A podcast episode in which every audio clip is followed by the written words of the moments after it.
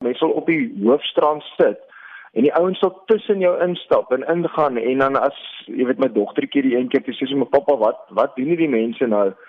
En die mense wat rondom ons sit beweeg toe weg vir hulle nee asseblief moet net niks sê nie, jy weet. Hulle onskulpie perlemoen al reg voor jou. Dit is asof daar geen skaamte is nie. Dit is asof daar net ewe skielik, ek weet nie wat gaan aan nie, maar ek het dit nog nooit so erg gesien nie. En dit gebeur nie in klein groepies nie. Ek garandeer jou as jy nou vandag na Tully Beach toe gaan en jy gaan môreoggend 5:30 op die pad tussen Tully Beach en die damme en jy sit net daar, daar sal bakkies, Nissan bakkies spesifiek sal verby jou jaag en dan draai hulle om en dan haal hulle nog mense. Ek vermoed ek het myself probeer uitwerk, maar hulle laai seker so, oh, jy's tussen 60 en 100 mense op 'n dag af om perlemoen of wat ook al hulle stroop te stroop.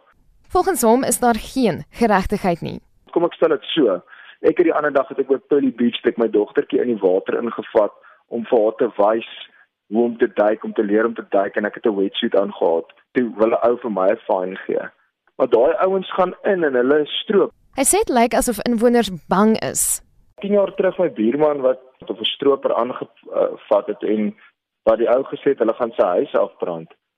Ek kan nie glo dat die polisie nie weet van hierdie wat aangaan nie. Hulle het hierdie want dit is so openbloot plaatant. Iemand moet ons laat weet waar begin jy? Vir wie skryf jy 'n brief? Hoe kom jy by die regte mense uit?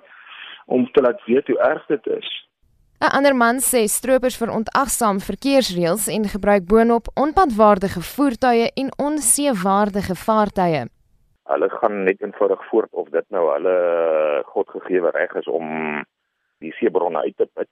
En vir die gemeenskap is dit nie aanvaarbaar nie want dit dring aan op hulle regte om ook die strand te gebruik.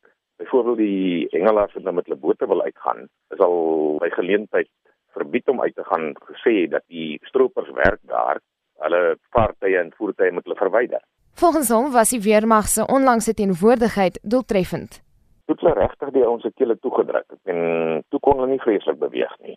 Maar die oomblik toe hulle uitbeweeg, dis dit maar weer uh, normale aktiwiteite vir hulle hoor. Ons wil net graag hê dinge moet weer na normaal terugkeer en dat 'n mens weer uh, normaalweg met jou uh, aktiwiteit kan voortgaan sonder om met hierdie onwettige en roekelose optrede te sit. Ook die vrou het vermeende stroopers met twee geleenthede teëgekom. Sy meen dit is iets wat maklik beheer kan word nie. Dis vrag na vrag mense wat hulle gaan aflaai op punte. So daai hele kus kusgedeelte word daar gestroop, maar ek dink as hulle 'n bietjie langs die pad sit, so spiekkoppe mense vang, dan behoort hulle iets daaraan te kan doen. Sy vrees vir die omgewing en is gefrustreerd. Daai mense is daar met 'n missie om perlemoen uit te haal en te stroop en so ons land te vernietig, ons kus in elk geval te vernietig. Absoluut dis wat hulle doen. Dit voel net vir jou asof daar op die aarde niks aangedoen word nie. Regtig. Ek wonder net baie keer, is van die polisie en die weermag. Ek wonder net daaroor. Kan hulle nie is hulle nie saam in hierdie ding? Hoekom? Hoekom doen hulle niks nie? Hoekom gaan dit net aan en aan? Nog iemand meen die weermag se onlangse kortstondige teenwoordigheid was doeltreffend, maar dat die stropery kort na hulle vertrek hervat het. Hy sê die stroopers skroom ook nie om inwoners te berisp nie. Ek het met 'n vrou gepraat. Sy en haar man sit op hulle stoep en kyk met 'n teleskoop na die walvisse. Dat die duikers uit die see uitkom voor die straatstrap en hulle diere klop en sê hulle moet hulle toerusting wegsit want hulle is besig om te werk hierso. En dit gebeur gereeld met mense wat langs die see stap ook van en wat hulle aan die mense toe kom en hulle sê sit weg jou selfoon ons is besig om te werk hierso jy kan nie hier wees nie.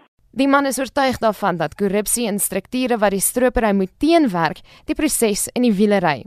Verder meen hy, die stryd kan meer doeltreffend wees by die kusgebied tussen Gansbaai en Sequin Point, weet Gansbaai, Franskraal, Oukraal, Montpellier, daai dele is relatief maklik om te polisieer. Daar's daar's enkele toegang tot die see wat hierdie ouens gebruik.